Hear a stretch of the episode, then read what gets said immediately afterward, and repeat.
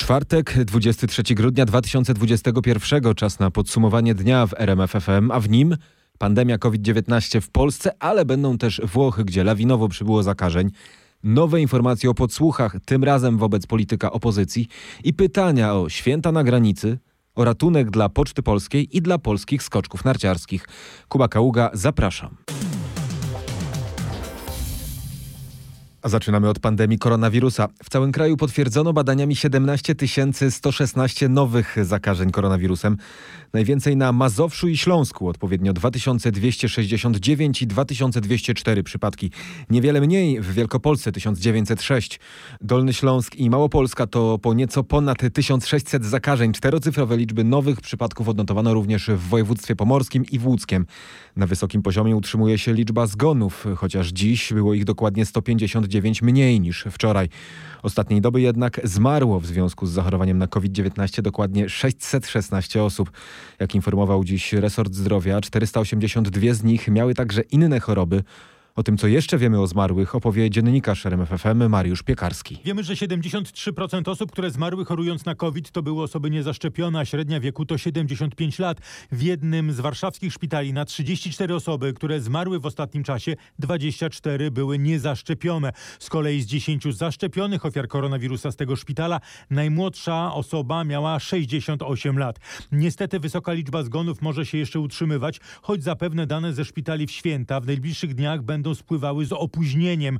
Przybywa jednak chorych w ciężkim stanie. Zajętych jest więcej respiratorów niż w poprzednich dniach. Za to spada liczba nowych hospitalizacji. Patrząc na liczbę zakażeń, tydzień do tygodnia mamy spadek o 22%, a więc powoli opada czwarta fala, ale eksperci każą nie tyle patrzeć już na czwartą, ale przygotować się na wystrzał kolejnej fali spowodowanej mutacją Omikron. W porównaniu do poprzedniej doby w szpitalach jest też mniej chorych, ale nadal, co podkreślają eksperci, jest ich bardzo wielu. To ponad 22,5 tysiąca osób, które muszą być leczone w szpitalach. Jest o 705 hospitalizacji dzisiaj mniej niż e, wczoraj. To dobra informacja. Niestety zwiększyła się liczba chorych, którzy wymagają respiratora, a więc chorych e, w ciężkim stanie.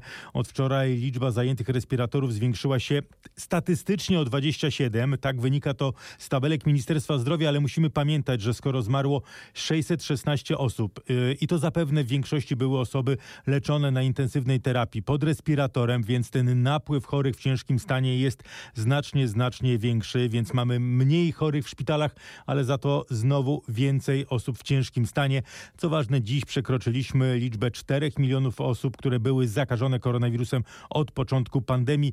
No i na kwarantannie jest blisko 400 tysięcy osób. To aktualny obraz pandemii w Polsce, ale niepokojące informacje napłynęły dziś z Włoch. O 42% wzrosła we Włoszech w ciągu tygodnia liczba zakażeń koronawirusem, podała medyczna fundacja Jimbe.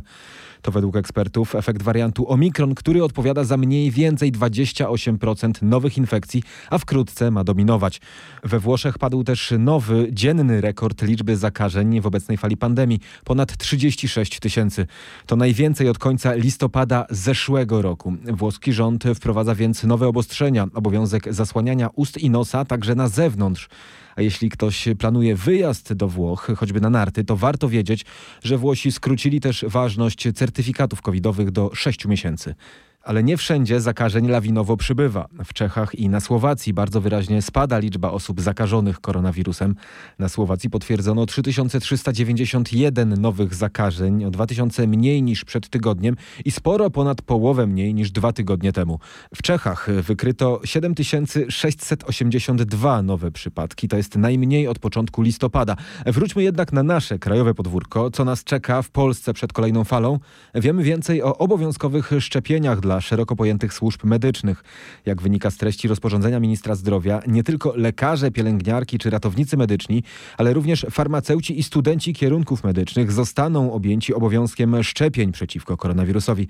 Pracownicy służby zdrowia mają czas na pełne zaszczepienie się obiema dawkami do 1 marca. Pracownicy placówek ochrony zdrowia, bo poza medykami to także jak to ujęto w rozporządzeniu wszystkie osoby wykonujące czynności zawodowe w tych placówkach muszą do 1 marca uzyskać certyfikat covidowy. A to oznacza, że muszą przyjąć dwie dawki szczepionki i odczekać 14 dni. Stąd czas na zaszczepienie się, by spełnić obowiązek od 1 marca.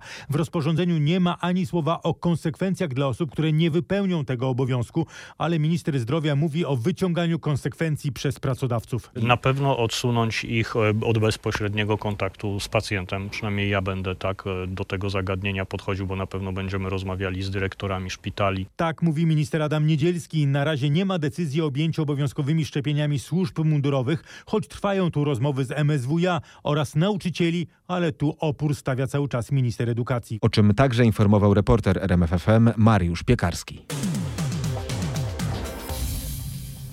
Polskie służby mobilizują siły na pograniczu i biorą pod uwagę, że wydarzenia na polsko-białoruskiej granicy mogą zakłócić święta Bożego Narodzenia w Polsce.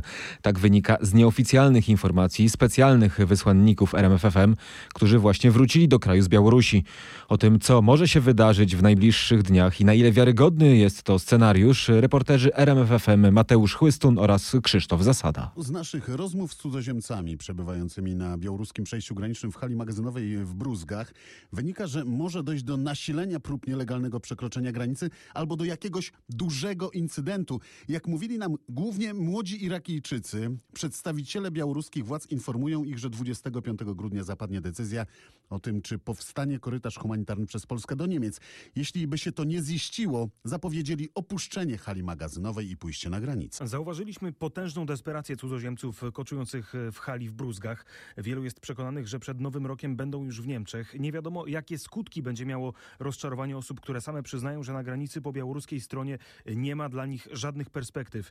Polskie służby, jak się nieoficjalnie dowiedzieliśmy, mają sygnały o tym, że w święta na granicy może coś się wydarzyć. Dlatego, co powiedział nam jeden z funkcjonariuszy, muszą się liczyć z wezwaniem na służbę w to Boże Narodzenie. Komórka senatora Koalicji Obywatelskiej Krzysztofa Brejzy w 2019 roku została ponad 30 razy zhakowana przy pomocy oprogramowania Pegasus, poinformowała dziś amerykańska agencja informacyjna Associated Press. W tym czasie Brejza odpowiadał za kampanię wyborczą Koalicji Obywatelskiej. Wcześniej Associated Press informowała, że Pegasus był wykorzystywany do inwigilacji mecenasa Romana Giertycha oraz prokurator Ewy Wrzosek. Jak pisze Associated Press, telefon Krzysztofa Brejzy był podsłuchiwany dzięki Pegasusowi. Oprogramowanie szpiegowskiemu izraelskiej firmy. Agencja powołuje się na ustalenia organizacji Citizen Lab związanej z Uniwersytetem w Toronto. Według nich do telefonu Krzysztofa Brejzy włamano się 33 razy w okresie od 26 kwietnia do 23 października 2019 roku. Wyniki badań Citizen Lab na osi czasu 2019. Skupienie ataków w trakcie kampanii wyborczej. Szefowałem sztabowi KO od 26 czerwca 2019. Ataki ustały po wyborach, napisał Brejza na Twitterze, dorzucając do tego obrazującą skalę ataków grafikę. Na doniesienia Associated Press zareagował rzecznik ministra koordynatora służb specjalnych Stanisław Żaryn. Wszystkie tezy mówiące, że służby wykorzystują tego typu metody w pracy operacyjnej do gry politycznej są fałszywe, powiedział Żaryn w rozmowie z Polską Agencją Prasową. Podkreślał też, że służby nie informują, czy wobec konkretnych osób były stosowane metody pracy operacyjnej. Ponad 200 milionów złotych pomocy publicznej otrzyma Poczta Polska. Komisja Europejska zgodziła się na przekazanie narodowemu operatorowi dodatkowych środków. Te mają posłużyć do ratowania spółki znajdującej się aktualnie w dramatycznej sytuacji finansowej. O to, czy dzięki tym pieniądzom poczta wyjdzie na prostą, pytał władz spółki dziennikarz RMFFM Roch Kowalski. Zarząd ma takie nadzieje, ale sytuacja finansowa spółki z roku na rok się pogarsza. W ubiegłym poczta zanotowała ponad 100 milionów straty wobec 3 milionów zysku dwa lata temu. Danych za obecny rok jeszcze nie ma, ale w grudniu spółka miała problem z wypłacaniem pracownikom przedświątecznych dodatków, bo poczta nadal nie otrzymała środków z rządowej tarczy antykryzysowej, mówiła rzeczniczka Justyna Siwek. Uznano, że jednak spółka nie będzie czekać na y, te środki z tarczy antykowidowej i pomimo tego, że te środki na konto poczty jeszcze dotychczas nie wpłynęły, to jednak pracodawca zdecydował się podpisać aneks do porozumienia, tak aby te środki znalazły się na koncie wszystkich y, pracowników. Wszyscy otrzymali 500 zł brutto dodatku. Część nadal w ramach wynagrodzenia zasadniczego otrzymuje mniej niż wynosi minimalna krajowa. Od nowego roku spółka podniesie ceny wysyłki listów ekonomicznych i priorytetowych odpowiednio o 30 i 40 groszy. Tymczasem pocztowi związkowcy alarmują, że spółka wymaga zmiany w zarządzaniu. Potrzebne są szeroko rozumiane zmiany organizacyjne, ale to wszystko leży w rękach osób decyzyjnych, które spółka sobie pościągała. To się odbija na jakości zarządzania, przekonuje przewodniczący Wolnego Związku Zawodowego Pracowników Poczty Polskiej Piotr Moniuszko. Zdaniem związkowców kolejne dotacje rozwiązują tylko doraźne problemy, ale nie poprawiają perspektyw finansowych poczty. Polscy skoczkowie wreszcie na podium, można byłoby powiedzieć, gdyby nie były to Mistrzostwa Polski w skokach narciarskich, a mistrzem Polski został dziś Kamil Stoch. W zawodach rozegranych na Wielkiej Krokwi w Zakopanem prowadził już po pierwszej serii. Ze srebrnym medalem lądował dziś Piotr Żyła, który w finałowej serii zaatakował z dziewiątej lokaty i oddał najdłuższy skok całych zawodów. Brązowy medal zdobył Paweł Wąsek. Na kolejnych pozycjach znaleźli się Andrzej Stękała i Dawid Kubacki. Ale skakali dziś nie tylko panowie. Mistrzynią Polski pani w skokach narciarskich została Nicole Konderla. Sukces, też fajny prezent może przed świętami i taki motywacji, że gdzieś to skakanie, które pokazywałam w lecie dalej we mnie jest, tylko, tylko muszę po prostu go odnaleźć. Pierwszy skok był bardzo fajny, drugi był troszeczkę zepsuty. Mówiła 20-letnia mistrzyni, zawodniczka klubu z Wisły. A propos mistrzów z Wisły, to Adam Małysz był dziś gościem Roberta Mazurka. Gospodarz porannej rozmowy RMFFM pytał byłego skoczka, aktualnie działacza Polskiego Związku Narciarskiego, o formę biało-czerwonych, a raczej brak tej dobrej formy a także o to, jakie są szanse na to, by nasi skoczkowie powalczyli o wysokie pozycje w zbliżającym się turnieju czterech skoczni lub Igrzyskach Olimpijskich. Gdyby to była piłka nożna, to już dawno zmienilibyście trenera, bo tak jest w piłce nożnej, że jak przegrywają, przegrywają, przegrywają, to się wyrzuca trenera, bo to najprościej. Znaczy, Czy- Troszkę inaczej jest w skokach narciarskich, dlatego że w piłce no, gdzieś tam jak przychodzi y, nowy trener, dodaje troszkę y, no, takiego wigoru zawodnikom i, i zdecydowanie gdzieś tam styl zmienia może ich gry, ale to, co mają natrenowane, u nich zostaje, więc tutaj akurat jest inna sytuacja, jeśli chodzi o skoki. No, ci zawodnicy jednak e, pewne elementy, które robią z tym trenerem, mają utrwalone i w trakcie sezonu bardzo ciężko było. Zazwyczaj w skokach jest tak, że jeśli się coś e, zmienia, czy coś koryguje, to jest to po sezonie. No dobrze, a Michał Doleżal może być e, w związku z tym bezpieczny i pewien tego, że nie wiem, że pojedzie na igrzyska w Pekinie? Znaczy w tym momencie to od niego zależy na pewno, więc y, myślę, że tak, no jest, to, jest to trener, któremu cały czas jeszcze ufamy i, i na pewno do wiosny żadnych kroków nie będzie podejmowanych. Mimo wszystko e, Michał musi się wykazać w trudnej sytuacji. Do tej pory te sytuacje były w miarę łatwe, bo zawodnicy skakali. Teraz jest problem, więc trzeba go rozwiązać i wiadomo, że trzeba mu dać szansę. No właśnie, wie pan, to jest coś, czego kibice nie rozumieją. Jak się patrzy na naszych zawodników, przecież to nie jest tak, że to są jakieś ostatnie fight łapy. To są mistrzowie i to mistrzowie ponad mistrzami. To są ludzie, którzy wygrywali w zasadzie prawie każdy z nich, jak chciał z całą resztą świata. I teraz co? I patrzę na te wyniki, no Kamil Stoch, ale nawet on jest jedenasty w e, klasyfikacji generalnej Pucharu Świata, a zwycięzca sprzed roku turnieju czterech skoczni Dawid Kubacki jest 39.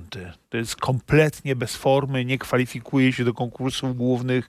No tak źle, tak źle Polacy nie skakali do czasów Adama Małysza. No. Powiem tak, e, nie jest to na pewno proste, bo w zasadzie wszyscy e, mają jakiś kryzys. Gdyby to, były pojedyn- gdyby to byli pojedynczy zawodnicy, na pewno łatwiej by było gdzieś to wytłumaczyć. W tym momencie, jak większość z nich nie skacze, można powiedzieć oprócz Kamila, który, który całkiem nieźle sobie daje radę, ale oczywiście też by chciał wygrywać i, i my też byśmy chcieli, no ale to wszystko jakby kumuluje się i w tym momencie jest jakiś problem, więc no, trenerzy robią wszystko, co mogą. E, no, pracują cały czas przede wszystkim nad sprzętem, bo w sprzęcie na pewno jest dużo problemów, które powstały po zmianach, które, które FIS wymyślił. Więc e, dlatego też e, nawet Michał tutaj nie przyjeżdża z Zakopanego na Mistrzostwa Polskie, tylko szyje kombinezony przed turniejem czterech skoczni. Ale no, kombinezony nie, nie zmienią wszystkiego. No, jeżeli poprawią No dokładnie. coś, jak wszyscy mm, eksperci twierdzą, no to dodadzą ile? Pół metra, metr, a nasi przegrywają jakoś tak z kretesem i nie mówię tego po to, żeby się pastwić nad nimi, bo wszyscy jesteśmy dumni, nie wiem, z Kamila Stocha, z Dawida Kubackiego, z Piotra Żyły, no z nich wszystkich, tylko jak to w ogóle możliwe? No nie zdążyłem właśnie dopowiedzieć, kombinezony oczywiście tak, ale to jest tak, w tym momencie te kombinezony mogą pomóc Piotrkowi, Kamilowi, którzy są w miarę blisko tej czołówki, ale pozostali na pewno nie. Tutaj, tutaj zdecydowanie widać, że te skoki, że popełniają błędy po prostu. I tutaj jest pytanie, czy to powstało już podczas e, przygotowań letnich, czy coś się wydarzyło na tych pierwszych zawodach, bo od tego momentu było po prostu już luz. Żaden z nich e, nie skakał i to nie tylko w Płaży Świata, ale jak popatrzymy i Continental, i Fiskap, który zawsze gdzieś tam w czołówce przynajmniej dwych, trzech naszych zawodników było. Dzisiaj nie mamy. Po prostu Polacy przestali, po, po, prostu Polacy przestali latać i nie do końca wiemy, dlaczego jest 7 po 8. Rozmawiam na temat skoków narciarskich z Adamem Małyszem. No i wszyscy wiemy, że tuż po świętach zaczyna się turniej czterech skoczni. Ja mam przed sobą taką tabelkę sprzed ostatnich pięciu lat. Tam był jeden sezon, kiedy nie wygrał turnieju czterech skoczni Polak. Kiedy wygrał Ryoyu Kobayashi, to było w latach 2018-19, a tak poza tym Polacy. I to dwa razy było tak, że Polak był pierwszy i drugi, albo pierwszy i trzeci. A teraz co? Kto pojedzie w ogóle? To czy, czy już w ogóle wiemy, kto pojedzie na turniej czterech skoczni? No jest pewna trójka, czyli Kamil, e, Paweł Wąsek i Piotrek Żyła. E, pozostali zawodnicy cały czas będą się jeszcze kwalifikować. Tutaj wczoraj odbył się trening. E, I tak powiem szczerze, że według tego treningu to ja bym z pozostałych nikogo nie zabrał, ale to jest tylko i wyłącznie moja opinia. Ten chce zabrać sześciu zawodników. Pewnie będą zabrani po, po tych zawodach. Ale jeżeli pan mówi, przepraszam, ja bym nikogo nie wziął, no to to brzmi dość dramatycznie. No co tu no, gadać? Dramatycznie, dlatego że no, te skoki nie są w tym momencie tych pozostałych zawodników na tyle dobre, żeby jechać i walczyć w Płaży Świata. No, zajmować nawet 25 miejsce, nie wiem, 20, 30 e, w wykonaniu Dawida, no to na pewno go to nie zadowoli. Nie, no to można się, tak tylko, można się tylko załamać, rzeczywiście. No on tam jedzie, on i cała reszta, wygrać ten turniej, a nie po no. to, żeby być 30. Dokładnie. I tutaj na pewno trzeba byłoby się jeszcze zastanowić nad tym, ale to należy do trenera, do trenerów w zasadzie, bo jeszcze są asystenci, e, co, co dalej zrobić. Czy nie wysłać ich na niższą rangę, czy nie pojechać i, i potrenować przynajmniej ze dwa tygodnie, a nie dwa, trzy dni żeby pewne rzeczy zmienić i utrwalić. No dobrze. Ale jak mówię, no, to musi trener zadecydować. My nie możemy jako działacze takich rzeczy robić. Pan jest dyrektorem do spraw skoków, kombinacji y, norweskiej w Polskim Związku Narciarskim, no, ale przecież wszyscy wiemy, kim pan jest. Pan jest po prostu mistrzem i e, rodzi się takie pytanie, no może po prostu rzeczywiście, ale może trener powinien was poprosić o radę, a może po prostu e, coś było nie tak z całymi przygotowaniami. Ale czy to w ogóle oznacza, że cały sezon jest już skreślony, że nie mamy szans na igrzyskach? Nie, ja myślę, że, że absolutnie nie, tylko trzeba działać. Nie można robić jakby czegoś na pół gwizdka, jak się to mówi, czyli jeśli faktycznie jest jakiś problem, trzeba go rozwiązać i trzeba w tym kierunku iść. Ale pan mówi, że problem jest, tylko y, jakoś nie bardzo wiadomo, jak go rozwiązać. No, moja opinia, ale to mówię, to jest tylko moja opinia, byłego skoczka narciarskiego, który wielokrotnie miał też problemy i, i musiał e, wyjechać z Puaru Świata i pojechać potrenować, ale to ja wtedy czułem, nie wiem co zawodnicy czują, nie wiem co trenerzy w tym momencie e, czują, ale ja bym zrobił po prostu pewne rzeczy odpuścił, żeby być gotowym na olimpiadę. Mówił dziś na antenie RMFFM Adam Małysz, a zimowe Igrzyska Olimpijskie w Pekinie zacząć mają się 4 lutego. Tyle na dziś w podsumowaniu dnia. Kuba Kaługa, kłaniam się i do usłyszenia.